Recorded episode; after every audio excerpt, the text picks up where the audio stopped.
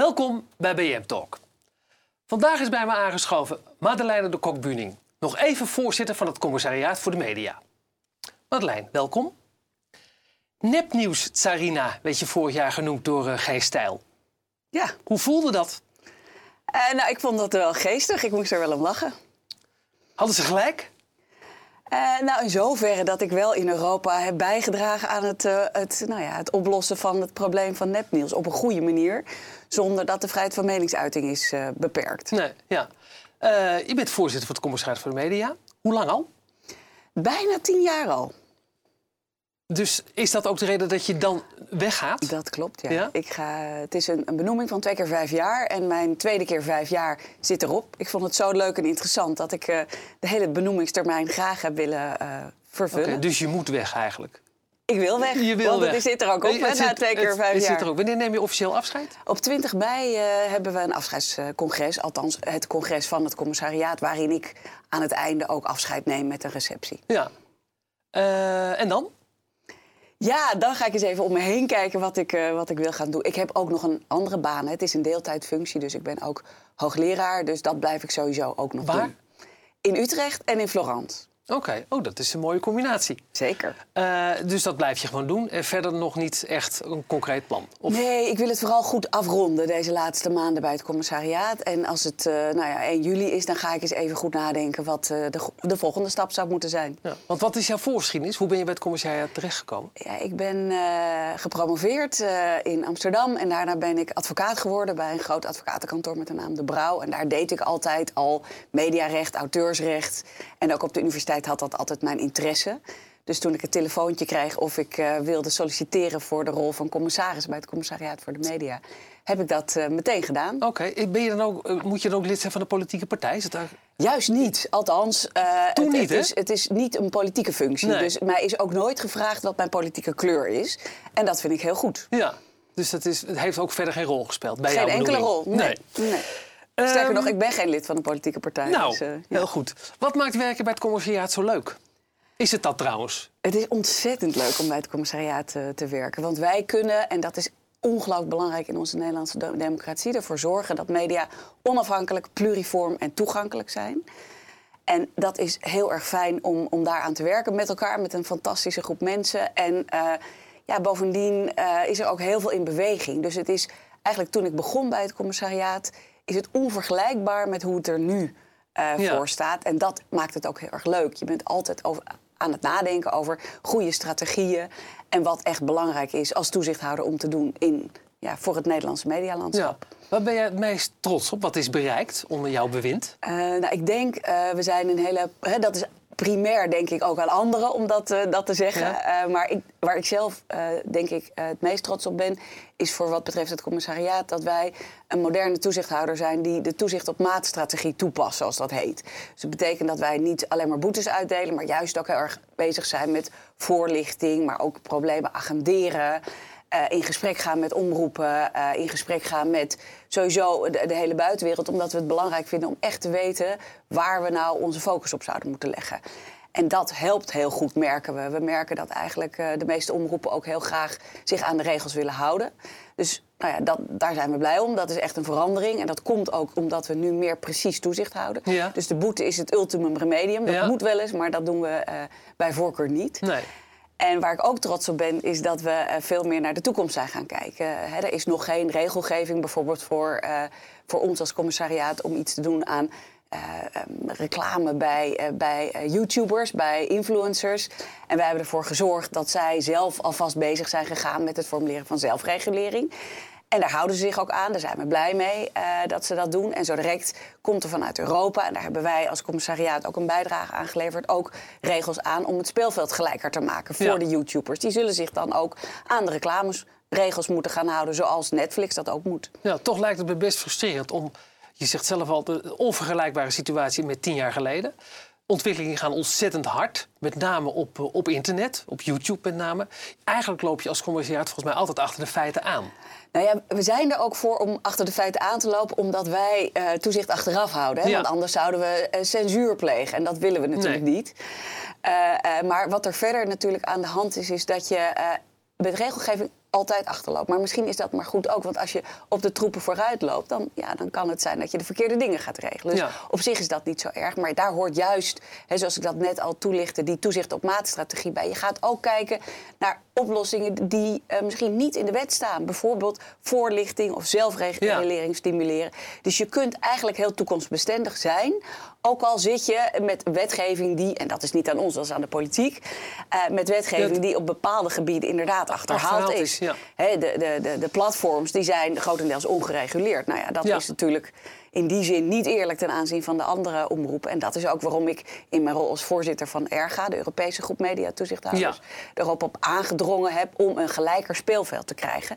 En met die nieuwe richtlijn audiovisuele mediadiensten gaat dat ook gebeuren. Ja, blijf je dat overigens wel doen? Of ga je daar, neem je er ook afscheid van? Ja, ik, eh, dat, hangt ook. samen met Dat- de rol. Ik ben Ja. gekozen als voorzitter van het commissariaat voor de media... aan voorzitter van ERGA te zijn.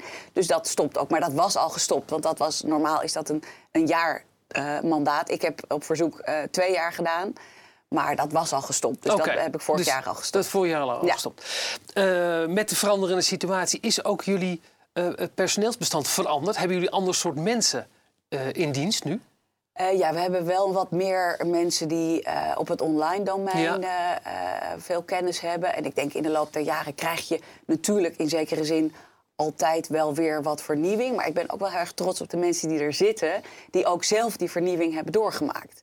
Waar vroeger natuurlijk eh, tv kijken en, en, en dat soort manieren van toezicht houden het meest dominant waren. Dus kijken we nu natuurlijk ook veel meer achter de schermen.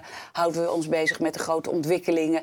En hebben ze ons toezicht heel erg gefocust op die kernthema van toegankelijkheid, onafhankelijkheid en pluriformiteit. Ja. Dat zijn de belangrijkste thema's. En verder kiezen we elk jaar een, een focus.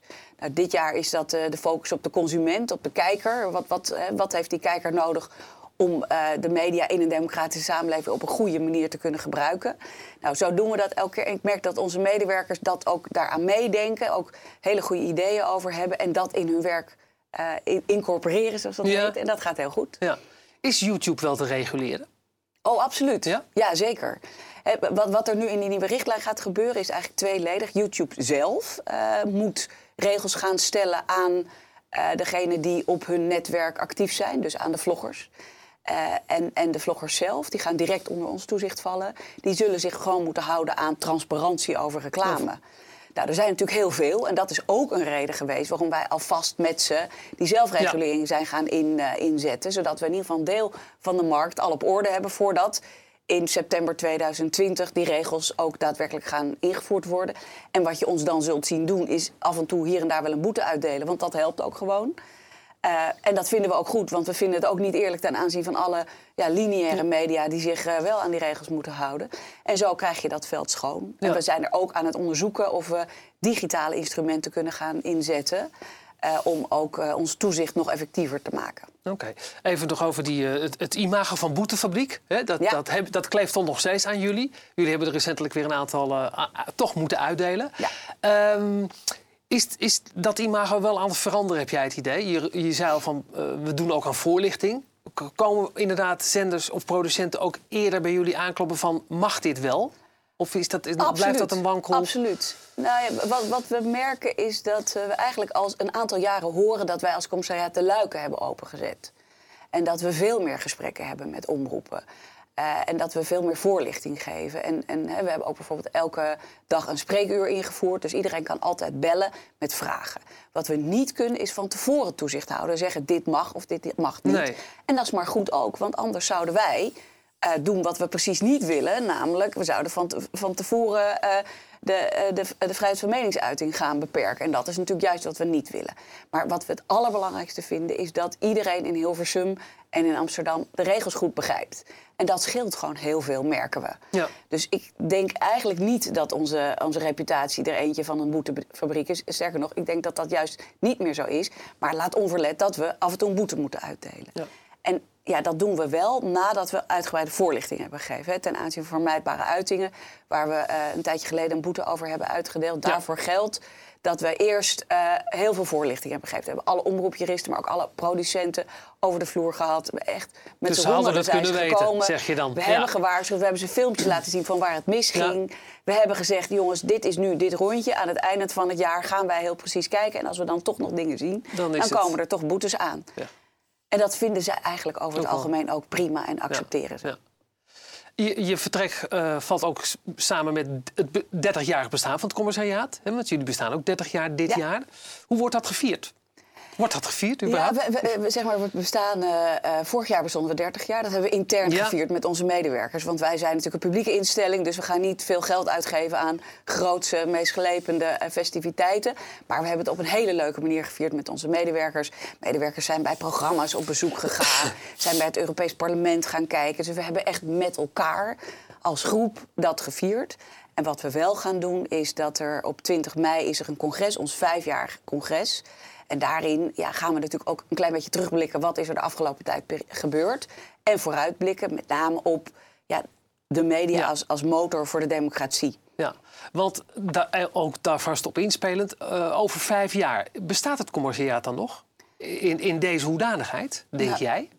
Ja, ik denk dat je altijd een onafhankelijke mediatoezichthouder zult hebben. Sterker nog, we hebben er ook voor gepleit in Europa dat die er overal in heel Europa komen. Dus die staan nu gewoon in de Europese regels. Dus het antwoord is ja, er is een commissariaat. Hoe dat er precies uitziet, hangt natuurlijk ook af van de ontwikkeling in het medialandschap. Ja. Wat ik zie aankomen is dat we meer digitale instrumenten gaan gebruiken voor ons toezicht, bijvoorbeeld. En dat het wel kan zijn dat we een aantal andere eigenschappen van mensen nodig gaan krijgen. Uh, om he, meer technische kennis bijvoorbeeld, om artificiële intelligentie toepassingen beter door te hebben bijvoorbeeld. Ja. Dus er zal altijd vernieuwing zijn en die zal ja, ook dan ook misschien nog wel... getoetst moeten worden op een of andere manier. Absoluut, ja. ja. ja. Okay. Dat maakt het ook heel leuk, want dan moet je slim blijven nadenken met elkaar. Ja. En wat voor organisatie laat je achter?